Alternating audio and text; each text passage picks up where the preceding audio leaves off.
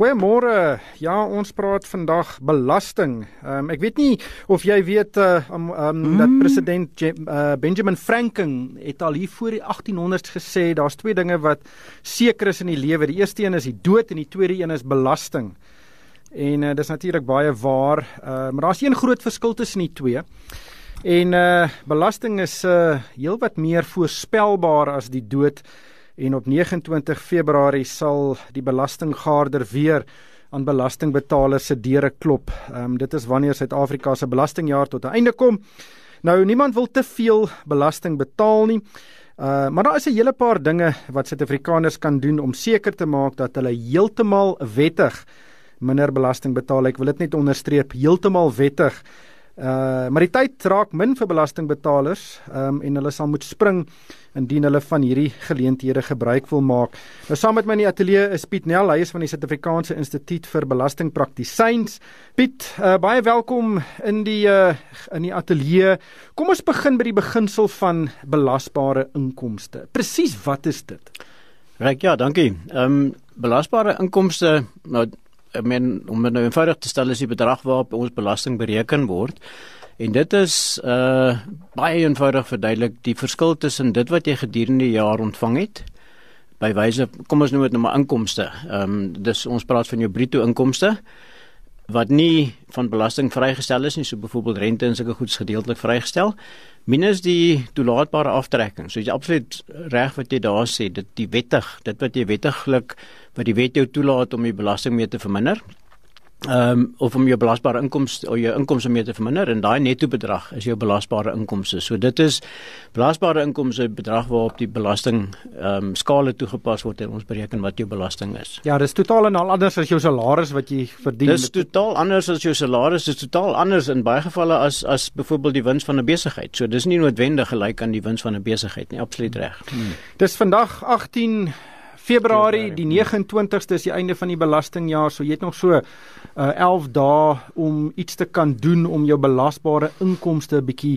laer uh, te maak. Hmm. Um, kom ons begin um, by jou mediese en reis mediese onkoste en reistoelae. Natuurlik uh, dit is 'n uh, manier hoe jy uh, jou inkomste kan verlaag. Hmm. Um, veral medies, maar jy moet al die die strokies en fakture en ja, dinge hê. Ja. Ja, en dis goed dat ons met medies begin want medies wees is eintlik nie 'n aftrekking nie. Dit het verander in 'n korting. Um, ons het dit so 3-4 jaar terug was dit 'n aftrekking wat jou belasbare inkomste verminder het. Nou is dit 'n korting waar 'n mens uh, byvoorbeeld 'n persoon bo 65 kan 'n derde van sy mediese kostes aftrek teen die belasting. So as my belasbare inkomste sê net maar 100 000 is en ek het 18 000 se belasting, dis die skaal van belasting daarop.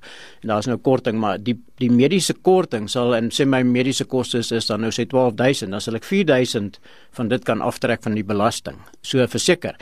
Medies is en die ontvanger is is redelik streng daarop. Dis voorgeskrewe kostes, so dis nie kostes wat ons dink ehm um, mediese kostes is nie. Dis kostes wat die ontvanger voorskryf. Mense moet daaraan voldoen. Byvoorbeeld gestremde kostes as jy mense persone wat gestremd is, 'n kind of of self. Daar daar's 'n spesifieke lys. Daar's sewe kategorieë van gestremdheid daar volgens en daar's die kostes word voorgeskryf. So daar is dit absoluut krities noodsaaklik dat mense die dokumentasie moet byhou en uh sodat jy dan daai daai vermindering in die belasting kan kry. So absoluut reg. Ja. Die reistoelaag, ekskuus nou, jy het oor die reistoelaag vra. Die reistoelaag verminder wel jou belasbare inkomste. So ek sal nou vir my werkgewer sê 10000 rand 'n maand kry om nou besigheidsritte te doen.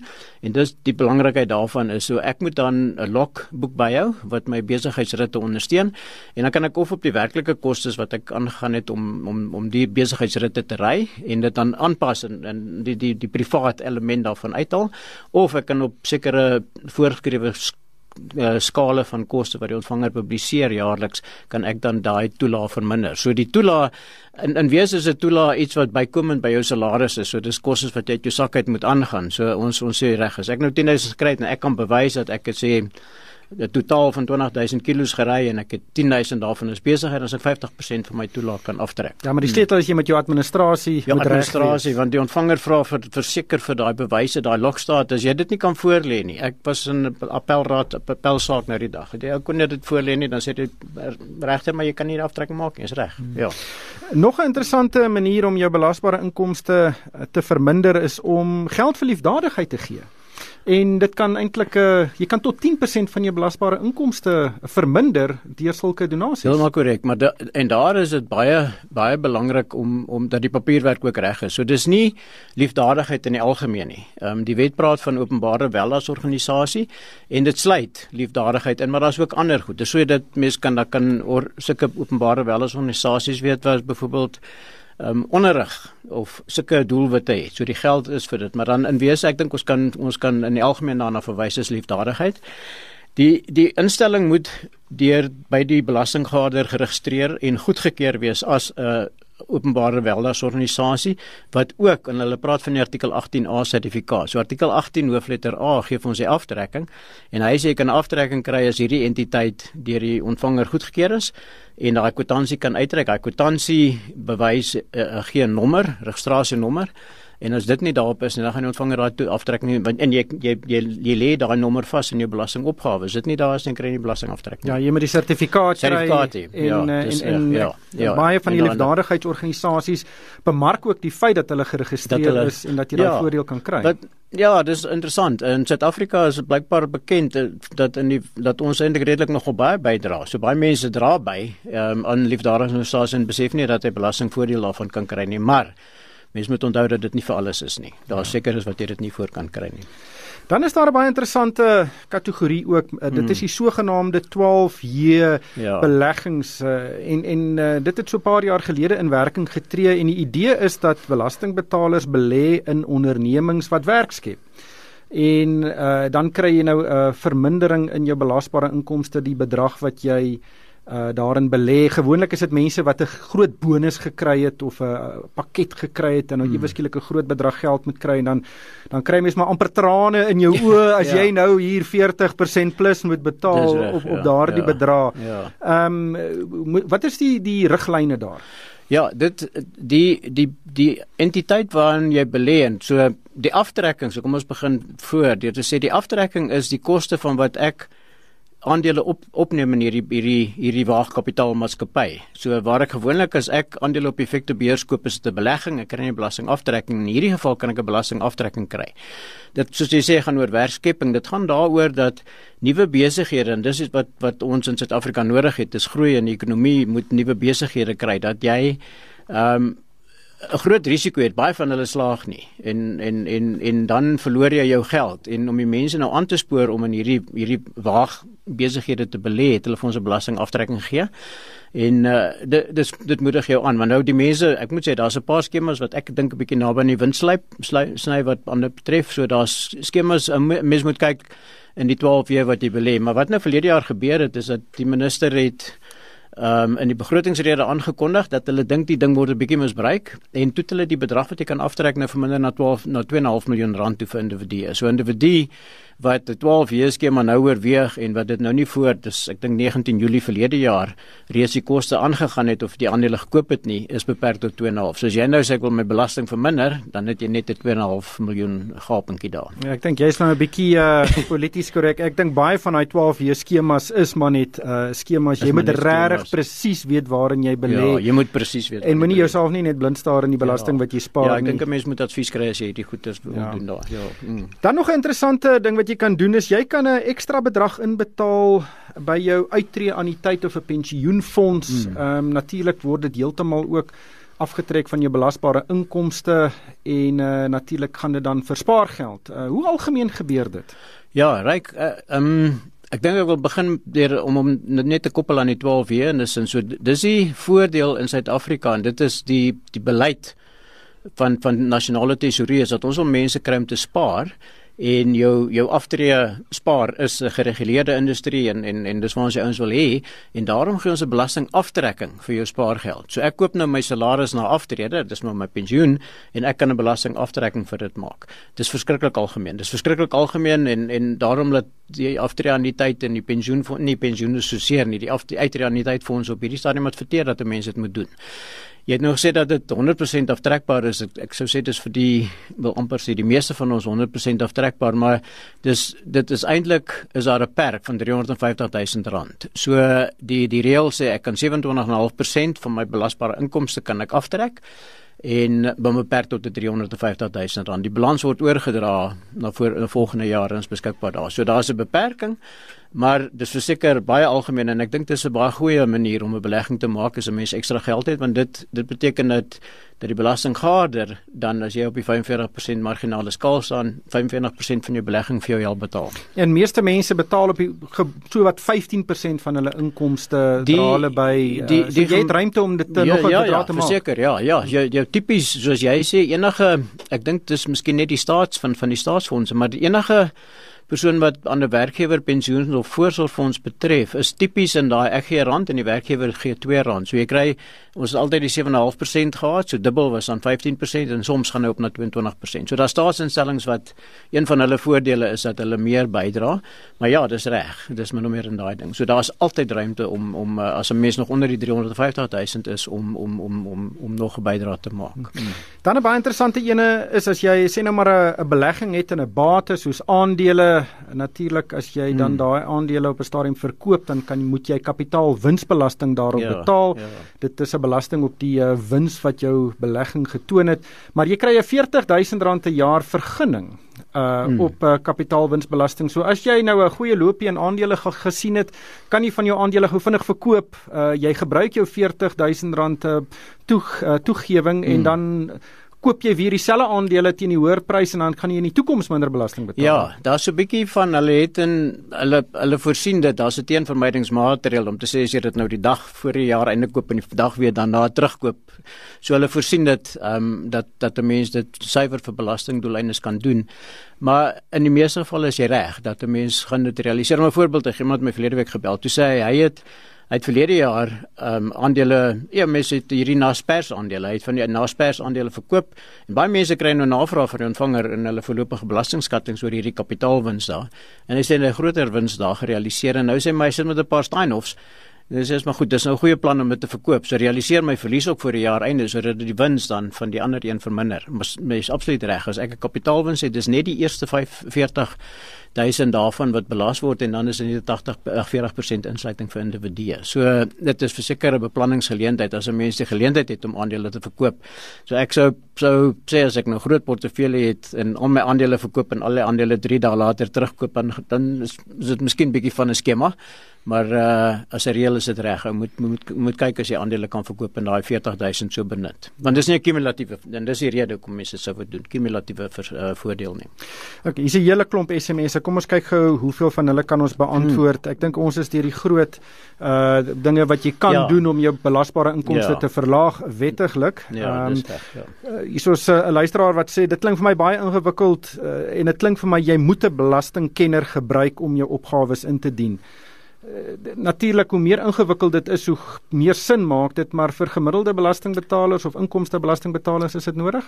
Ek dink ja, ek dink jy het met die vraag al vorige keer in hierdie ateljee gevra. Ek dink nie dit is so ek persoonlik voel dat as 'n persoon wat eenvoudig 'n bietjie beleggingsinkomste, miskien huurinkomste het en uh uh dan syfer salarisinkomste saaklik het, kan self die belastingopgawe hanteer. En as ou dan 'n aanslag kry wat jy wat vir jou jy, jy, uit jou geloof uitskrik, dan sal jy met iemand gaan praat. 'n Mens kan nog dit dan nog daar ehm um, daar daar die wet kan red as wat daar te kere is maar jy is reg die oomblik wat dit ingewikkeld raak die oomblik wat ons soos hierdie 12 jaar goeders oorweeg dat ek dat ek oorweeg om 'n bydrae tot 'n uitering aan die tydfonds te maak dan dan gaan jy gaan jy advies nodig hê en uh, dis nie dis nie so seer om die belastingopgawe te voltooi die belastingopgawe so ek dink is eenvoudig En dit is baie eenvoudiger gemaak, die elektroniese indiening van dit, ja. Ja, ek dink mm. dit is nie so moeilik soos wat baie mense dink ja, nie. Die ja. inkomste dien weet gewoonlik wat jou inkomste was. Dis verseker so. Dit dis dis eintlik die verrassing dat 'n mens kry navraag wat sê maar ek weet jy het hierdie rente verdien, dan sê jy, "Oké, okay, daarvan vergeet nou." Ja. So, dis presies reg. Ja, en gaan registreer by die uh mm. e uh, indieningsplatform. Gaan mm. kyk miskien na jou vorige jaar se opgawe as iemand anders dit ingedien het. Dit is nie so moeilik nie en dan kan jy self leer en as jy dan dink, "O, jene, mm. ek het 'n idee wat hier aangaan." Nie gaan speel gaan speel gaan spandeer nou maar die ja. die 2 of 3000 rand om professionele hulp te kry. Ehm um, nog 'n hele paar vrae oor ehm um, die kerwe. Wanneer moet 'n mens begin belastingopgawes indien? Ja, ehm um, die so kom ons antwoord dit so die mens begin belasting betaal ehm um, en dis teen 18% wanneer jou jou ons praat van die belastingdrempel drempel wanneer jy die 18% jou belasbare inkomste toepas en dit is minder dis meer as die drempel en dis hier rondom R79000 vir 2020 Ehm um, vir 2021 weet ons nou nie of dit enigstens gaan verander nie.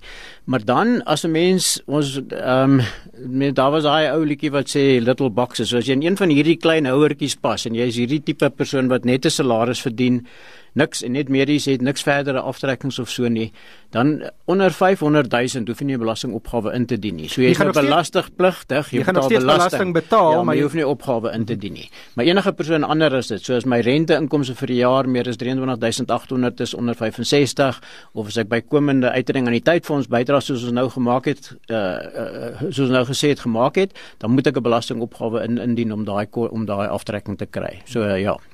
Skenkingsbelasting kry mense voordeel deur geld te skenk. Ehm um, ons het nou reeds gepraat van welsynsorganisasies. Hmm. Uh, ja. Daar is 'n 'n proses. Ehm um, maar sê nou maar ek gee vir my seun 'n uh, 'n bedrag geld. Uh, ja, so hoe werk hy belasting? 40% is nou ja. Jy kan 100 000 vir hom gee sonder om belasting te betaal. So daar's daar's 'n eerste 100 000 van van skenkings is nie onderhewig aan skenkingsbelasting nie vir individue, so kumulatief oor die jaar. Dis 'n kumulatiewe ding.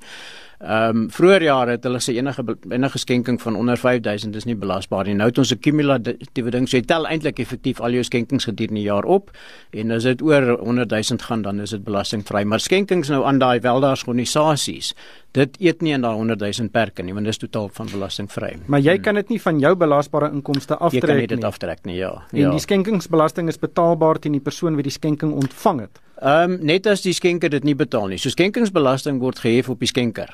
Ehm um, so die persoon wat wat afstand doen van die van die eiendom. Jy betaal die belasting en die persoon wat dit ontvang, nou die wet sê as die skenker dit nie betaal nie, dan word dan nou die wet die skenker en die begiftigde wat die wet nou sê die persoon wat die skenk ontvang ehm um, hou hy gesamentlik aanspreeklik en dan sal hy dit verhaal van die skenker ag van die van die persoon wat die skenking ontvang. Hmm. Nog 'n interessante vraag ehm um, en, en dis van anoniem wat sê uh mense het nie 'n 'n belastingkenner nodig om jou opgawe in te dien nie. Jy het 'n belastingkenner nodig om jou uh, terugbetaling te kry want SARS sloer vir ewig om dit terug te betaal. ja, anoniem kom maar sy naam gegee. Daar's baie mense wat op hierdie stadium so voel. Ons het uh, van Saika se kant af en ek is ek is by by Saika jy het nou nou anders as genoem. Ja. Ehm um, by by Saika het het so pas bietjie navorsing onder lede gedoen en belastingpligtig is dat dit lyk asof die van die ontvanger se kant wel die terugbetalings redelik ehm um, vinniger as verlede jaar onder Tomoyani se bewind het dit baie sleg gegaan daar. Neem dat dit goed wel gebeur en as 'n mens nie die terugbetaling kry nie, kan jy weet nie noodwendig dan 'n belastingpraktisyn nodig nie, kan jy eenvoudig na die ombud gaan en vir die ombud sê maar die ontvanger het nie binne 21 dae terugbetaal nie en dan uh, sal hulle die werk maak van die saak vir jou. So. Ja. Hier's verskeie vrae oor die ehm um, uh, nou sukkel ek om my Afrikaanse woord te kry die disability aftrekking. Ja, die vir, vir, onges, vir geskik persoon wat wat gestremd is of so ja. Ja. Hmm. Ja. Uh, en ek het 'n uh, taamlik wel ironies genoeg ervaring daarvan. Um, hmm. Dit is nie so moeilik nie. Jy moet 'n brief kry by 'n spesialis. Jy moet 'n sekere vorm invul en dan moet jy bewys lewer van die uitgawes. Dis maar 'n taamlike administratiewe proses. Dis dis dis verseker so. Ehm um, wat wat nou verander het, jy sal sien op die nuwe belastingopgawes, die brief wat jy van praat, reik is 'n uit 'n vorm, 'n DD vorm. Ehm um, en en wat wat interessant was, ek was betrokke op hierdie stadium toe die wet geskryf het. Toe ek sê, hoe kan die ontvanger besluit wat is mediese koste? En veral in die gestremdheidsveld het hulle gesê, maar dis wat ons gestremd is. So ek voel gestremd. Ek meen ek is intellektueel gestremd. Kom ons sien hoe sukkel ek hier. En en ek kan nie mooi sien nie, maar ek is nie gestremd vir belastingdoeleindes nie. So en dis wat daai dis 'n mediese spesialis en die ontvanger skryf voor watter kwalifikasies daai persoon moet hê en op watter norme hy die persoon beoordeel en dan voltooi hy daai vorm en daai vorm vorm tesame met die met die met die bewyse van die mediese kostes wat jy werklik spandeer het gedurende die jaar. Die wet praat van wat werklik betaal is deur die jaar wat jy dan moet bewys lewer en die ontvanger vra gereeld daai bewyse gee vir jou die belastingaftrekking. So miskien net om by 'n voorbeeld te noem. Ehm um, as jy 'n gestremde kind het wat in 'n spesiale skool moet wees, dan sê die die die die die reëls ek kan die ekstra skoolgeld, maar dis die kostes vanweë gestremdheid. So ek kan nie so jy vat die koste wat dit jou kos om die kind in hierdie skool te hou en jy trek daarvan af die gewone staatskool se koste en die verskil is jou mediese koste. Mm. Ja. Marita, uh, ek het jou uh, e-pos ontvang. Ek gaan dit sommer vir Piet gee dat hy direk met jou kontak. Ek dink dis 'n baie interessante vraag. Maar ongelukkig hierdie tyd ons ingehaal. Uh, baie dankie aan Piet Nel. Hy is van Saika en uh, dankie vir jou tyd vandag. Uh, stuur vir luisteraars kan gerus my 'n e-pos stuur. Dis ryk by moneyweb.co.za. En daarmee moet ons groet. Dankie vir die saamluister.